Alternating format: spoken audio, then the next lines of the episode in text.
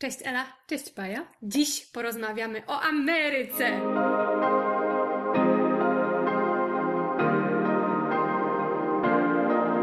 Wybrałyśmy taki temat, bo dziś, kiedy nagrywamy ten odcinek, mamy sobotę 4 lipca, czyli Święto Narodowe w Ameryce i chciałyśmy dzisiaj Wam opowiedzieć o trzech książkach z Ameryką w tytule i przy okazji porozmawiać sobie trochę tak przekornie o problemach, które bardzo gnębią amerykańskie społeczeństwo.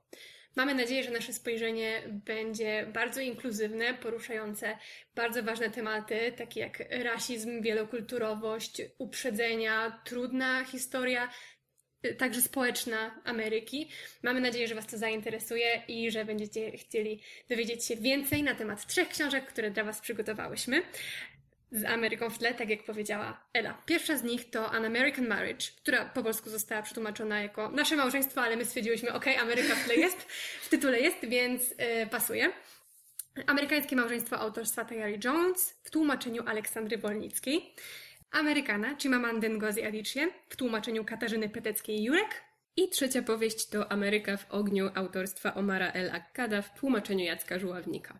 Zacznijmy od American Marriage Tayari Jones. E, bo jest to książka, którą czytałyśmy obie, więc myślę, że będzie to dobry punkt wyjścia do tej naszej rozmowy o Ameryce.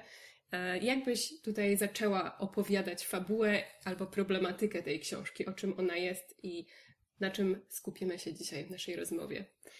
Jak sama tytuł wskazuje, głównym tematem tej książki jest małżeństwo. Amerykańskie nasze, to dojdziemy sobie do tego za chwilę, ale y, małżeństwo dwójki Afroamerykanów, Roy i Celeste to główni bohaterowie. To postaci bardzo dynamiczne, o silnej osobowości mhm. i ta silna osobowość i dynamizm zostają wystawione na bardzo ciężką próbę, bo Roy zostaje niesłusznie mhm. skazany za gwałt na białej kobiecie i trafia do więzienia. Więc to małżeństwo poddane jest niesamowitej próbie czasu, dystansu i z wieloma kwestiami trzeba sobie radzić nie tylko w kontekście ich własnego związku, ale też co to znaczy, gdy czarnoskóry mężczyzna oskarżany jest o gwałt i jakie to ma przełożenie na relacje i też jaki to ma wymiar, prawda, rasowy i jak wpasowuje się to w obraz amerykańskiego czarnego mężczyzny, jaki pokutuje wśród uprzedzonych osób.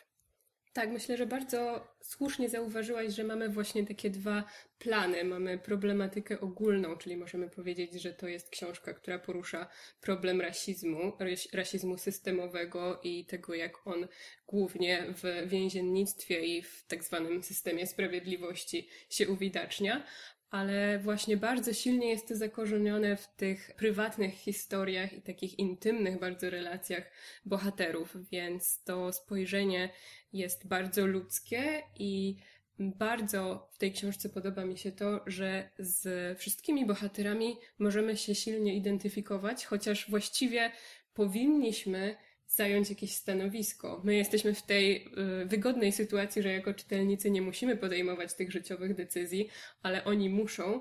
I jest tutaj sytuacja takiego tragicznego konfliktu, że każda decyzja, którą podejmą, będzie właściwie zła. I my rozumiemy, co może skłaniać do takiej decyzji, co może skłaniać do innego wyboru i bardzo empatycznie, myślę, czyta się tę książkę, bo chcemy wszystkich zrozumieć, chcemy, żeby wszyscy jakoś wybrnęli z tych trudnych sytuacji, ale widzimy, że jest to niemożliwe. Niemożliwe jest ocalenie tego wszystkiego, co było na początku w związku z zaistniałymi okolicznościami. Dokładnie i to też jest bardzo ciekawy obraz tego, co dzieje się w systemie więziennictwa. Tutaj właśnie na przykładzie postaci Roya. Roy jest y, silnym, takim emocjonalnie silnym mm. mężczyzną, bardzo honorowym, wykształconym, który no, czeka go wspaniałe życie u boku pięknej żony. No i teraz oczekiwalibyśmy od takiego bohatera szlachetnego zachowania, że on sobie z tym poradzi, że on to przetrzyma, żona na niego czeka.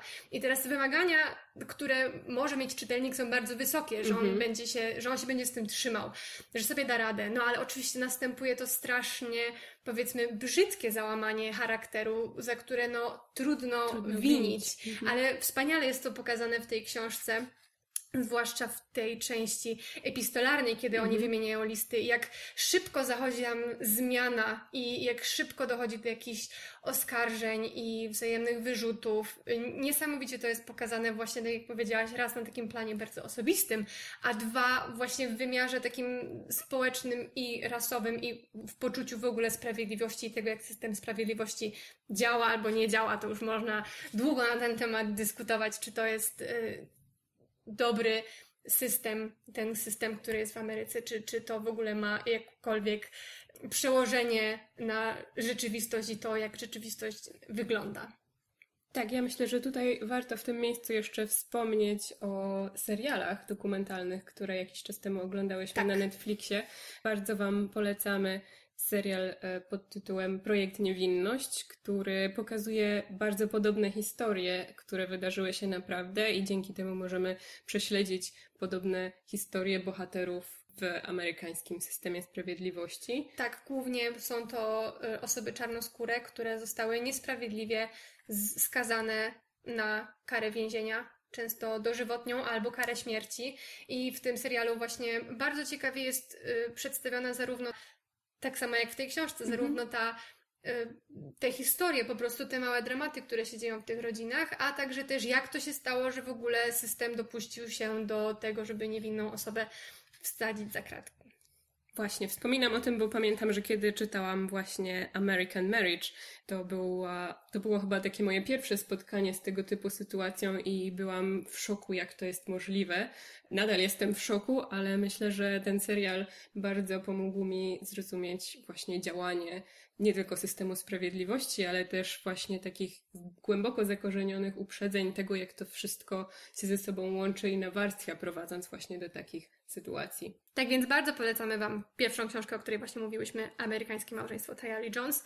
Książkę też poleca e, Barack Obama, więc oczywiście e, jakby nasze przekonanie Wam nie starczyło, to mówimy Wam, że Barack Obama również poleca tę książkę. Może to Was zachęci. Teraz przechodzimy do kolejnego tytułu, który przygotowała dla Was Ela i jest to Ameryka w ogniu. Co możesz powiedzieć nam na temat tej książki? Tutaj widzę jest podtytuł Apokalipsa to dopiero początek.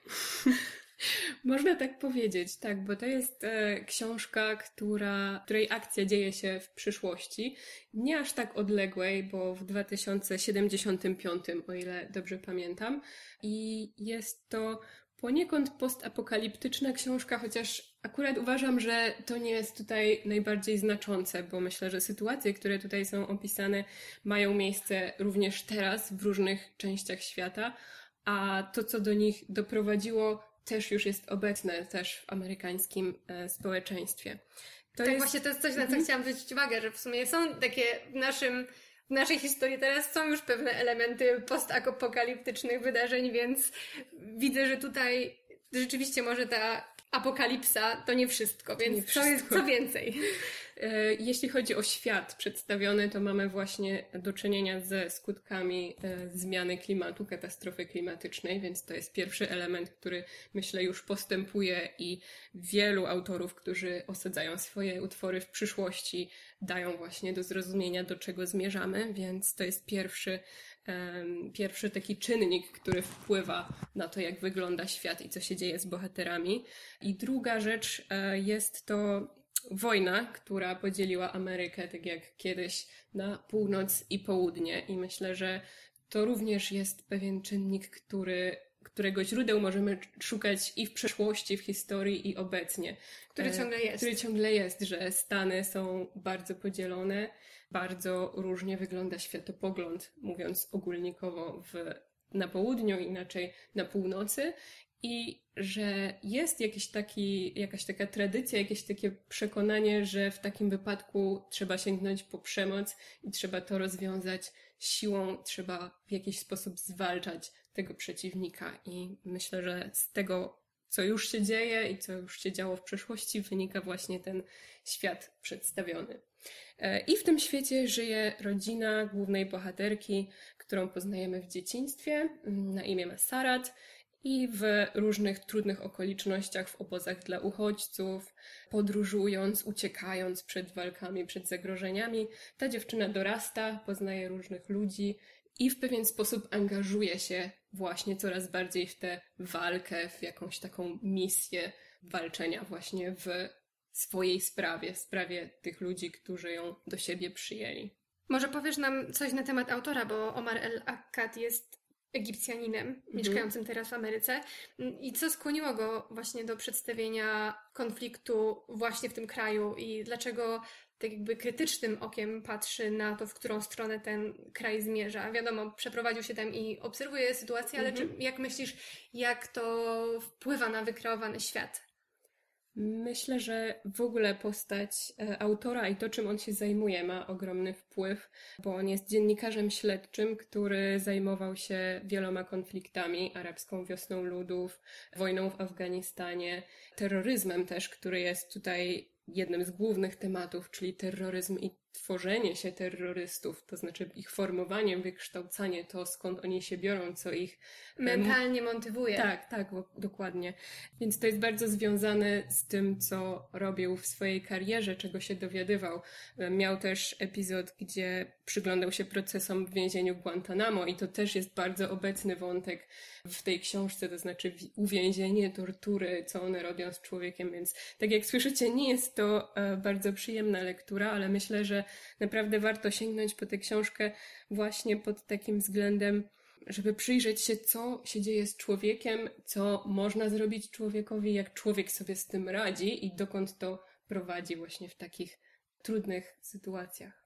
I jeszcze wracając do Twojego pytania, myślę, że postanowił osadzić akcję w Ameryce, a nie na przykład w którymś z krajów obecnie ogarniętym wojną, czy krajów, w których e, działają tego typu organizacje terrorystyczne formujące młodych ludzi, właśnie dlatego, żeby pokazać, że to nie jest problem, problem trzeciego świata. Tak, i to nie jest problem specyficzny dla jakiejś kultury czy dla jakiegoś kraju, ale to jest problem związany właśnie z okolicznościami, z sytuacją i z tym, co wpływa na wszystkich ludzi i w jaki sposób oni mogą sobie wtedy z tym poradzić. Więc myślę, że dlatego Ameryka, że w obecnych czasach wydaje nam się takie rzeczy w Ameryce czy w Europie nie mają miejsca i nie dochodzi do nich, a dochodzi do nich gdzieś indziej z jakichś dziwnych kulturalnych względów, a może ze względu, że ci ludzie jacyś są inni. inni tak. I właśnie Omar El-Akkad pokazuje nam, że nie, wcale nie, ci ludzie nie są inni, oni działają tak samo jak my, a może my działalibyśmy tak samo jak oni. Tak, bo procesy myślowe, które prowadzą do pewnych czynów, mhm. no jednak są podobne i uniwersalne, więc jeżeli tylko znajdą sobie jakiś podatny grunt albo zbierze się grupa osób, która działa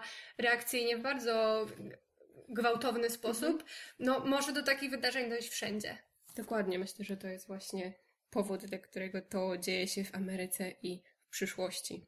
Także polecam Wam tę książkę, nawet jeśli postapokaliptyczny świat nie jest Waszym ulubionym, bo myślę, że jak najbardziej można w niej odnaleźć również historię i naszą teraźniejszość. A teraz przechodzimy już do naszej ostatniej książki na dzisiaj, czyli do Amerykany. Tak, Amerykana Chimamandy. No, to jest super książka. Jest super. Skończyłam ją tydzień temu, przeczytałam ją raz, dwa. Ona ma 700 stron i na tych 700 stronach jest wszystko. Byłam po prostu zachwycona tym, jak y, Chimamanda Ngozi Adichie pisze, jak tworzy bohaterów, jak, jakie tematy porusza. Mhm. Wspaniałe, nie mogę się doczekać, kiedy przeczytam coś więcej, ale może teraz już przejdę do, konkretnie do Amerykany. Amerykana to historia Ifemelu i Obinze. To na początku dwójka młodych ludzi, którzy się w sobie zakochują, mieszkają w Nigerii i planują wyjazd za granicę. Ifemelu trafia do Ameryki, gdzie Obinze chciałby do niej dołączyć, ale z wielu różnych przyczyn mu się to nie udaje i ostatecznie ląduje w Londynie na emigracji. I śledzimy ich losy właśnie od młodości, od czasów nastoletnich, aż poprzez studia, dojrzałość i dorosłe życie. I Femelu w tej książce jest więcej. I Femelu jest postacią fantastyczną. Mhm. Naprawdę to, jak wynikliwie i uważnie i w bardzo cięty sposób patrzy na amerykańskie społeczeństwo, do którego trafiła. A jej obecność tam jest dla niej szokiem. Mhm. Jako osoba czarnoskóra pochodząca z Afryki, nie zdawała sobie kompletnie sprawy, jak wielką rolę odgrywa rasa i kolor skóry w Ameryce, więc ona poznaje to z pozycji osoby absolutnie nieuprzywilejowanej, mhm. która nie myślała, że w jakikolwiek sposób albo że do takiego stopnia wpłynie to na jej postrzeganie, na jej szanse na znalezienie pracy, mhm. na jej status w społeczeństwie, więc ona wszystko to poznaje już z tej przegranej pozycji, patrząc jak bardzo różni się nie tylko od białych Amerykanów, ale także od Afroamerykanów i jak wiele, i jak wiele starć właśnie na, mhm. w kontekście rasowym ma miejsce właśnie podczas jej spotkań z czarnoskórymi Amerykanami. Więc tutaj ten wątek rasowy jest bardzo ciekawie poprowadzony. Dla mnie jednym z najciekawszych tych jakby elementów, bo tak jak mówię, książka jest gruba, jest tutaj tego mnóstwo. Jest y, feminizm, polityka międzynarodowa, współczesna Nigeria, społeczność amerykańska, no wszystko. Ale żeby jakoś skupić się na jednym wybranym mm-hmm. temacie, to to, co mnie interesowało właśnie w kontekście rasowym, było to, jak y, opisywane były włosy. Właśnie, to bardzo ciekawe, bo wspominałaś o włosach i wydaje się to taki dosyć nietypowy temat, jeśli wymieniasz tyle różnych problemów, które są zawarte w tej książce, a ty postanawiasz skupić się na włosach. Dlaczego tak, akurat? Bo y, to znaczy ja zawsze wiedziałam, że włosy są problemem i że jest to bardzo czuły punkt mhm. u, w Ameryce ogólnie włosy czarnoskórych kobiet i że są one postrzegane fryzury naturalne, y, afro, warkoczyki, że są postrzegane jako nieeleganckie, y, mhm. brudne, dzikie, nie do okiełznania i że jest to bardzo, bardzo silnie zakorzenione jako taki element dyskryminujący mhm. właśnie. Jeżeli spojrzymy na przykład na Michelle Obamę, która zawsze ma gładką fryzurę, mhm. tutaj jest bardzo ciekawe spojrzenie, jakby potoczyła się w ogóle cała kampania Obamów, gdyby Michelle Obama nosiła swoje naturalne włosy, gdyby na przykład miała afro albo barkoczyki, jest powiedziane, że absolutnie no nigdzie by nie zaszli. Mhm. I to, że ma gładko uczesane, piękne, lśniące włosy, to to jest właśnie ten taki symbol uległości, jakiegoś próby dostosowania się do tego, co jest uważane za społecznie akceptowalne, dokładnie. Mhm. I opis tego, jakie straszne cierpienia te kobiety, ja naprawdę sobie nie zdawałam z tego sprawy, jak strasznie to boli, do jakich strasznych yy, chemicznych po prostu środków muszą się uciekać te kobiety, żeby doprowadzić swoje włosy, cudzysłów, do porządku i żeby były wyprostowane i lśniące, to jest to niesamowite dla mnie i niewyobrażalne w ogóle. I jedną z taką scen, która mnie najbardziej zmroziła tutaj, to gdy Ifemelu jest właśnie u fryzjerki i ma zaplatane warkoczyki. I przychodzi tam biała kobieta i prosi o zaplecienie warkoczyków. I po prostu ja byłam wtedy.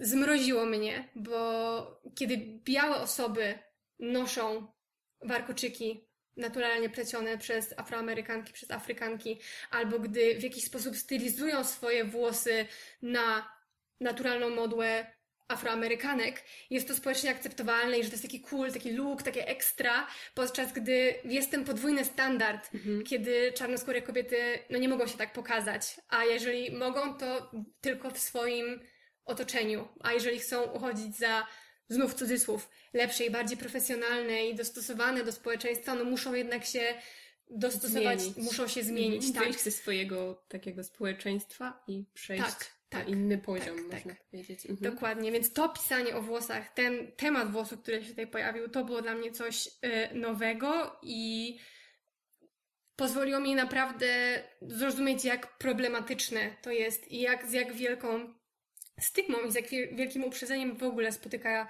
się coś, tak można by pomyśleć, zwykłego jak fryzura czy włosy. Więc to jest jeden z licznych elementów. Naprawdę już się teraz strasznie rozgadałam, wiem, ale naprawdę bardzo, bardzo polecam tę książkę. Naprawdę niesamowite spojrzenie. Też poniekąd tak jak w przypadku y, Omara El Akkada z zewnątrz. Pamiętam, że mówiłaś, że czytelnicy pisali czemu, jak mu się tak tutaj nie podoba w tej Ameryce, to czemu nie, wraca... nie wróci do Kairu. Tak, mhm. czemu nie wróci do Kairu, czemu tam nie napisze, co tam jest nie tak. To jest właśnie jeden z problemów, które domyślam się są też poruszone w tamtej Tak, książce, dokładnie. Też e, problem, jak się nie podoba, to czemu nie wrócicie do siebie. Tak, tak, więc tutaj też, też jak sobie tak przeglądałam, co czytelnicy myślą, to też trafiłam na takie jedno pytanie, że no dlaczego ona tak źle pisze o tej Ameryce, w sumie przecież Afryka wcale nie jest jakaś lepsza, znowu też Afryka jako jeden, jeden, jeden twór, twór, tak, zamiast powiedzieć konkretnie, no tutaj Nigeria.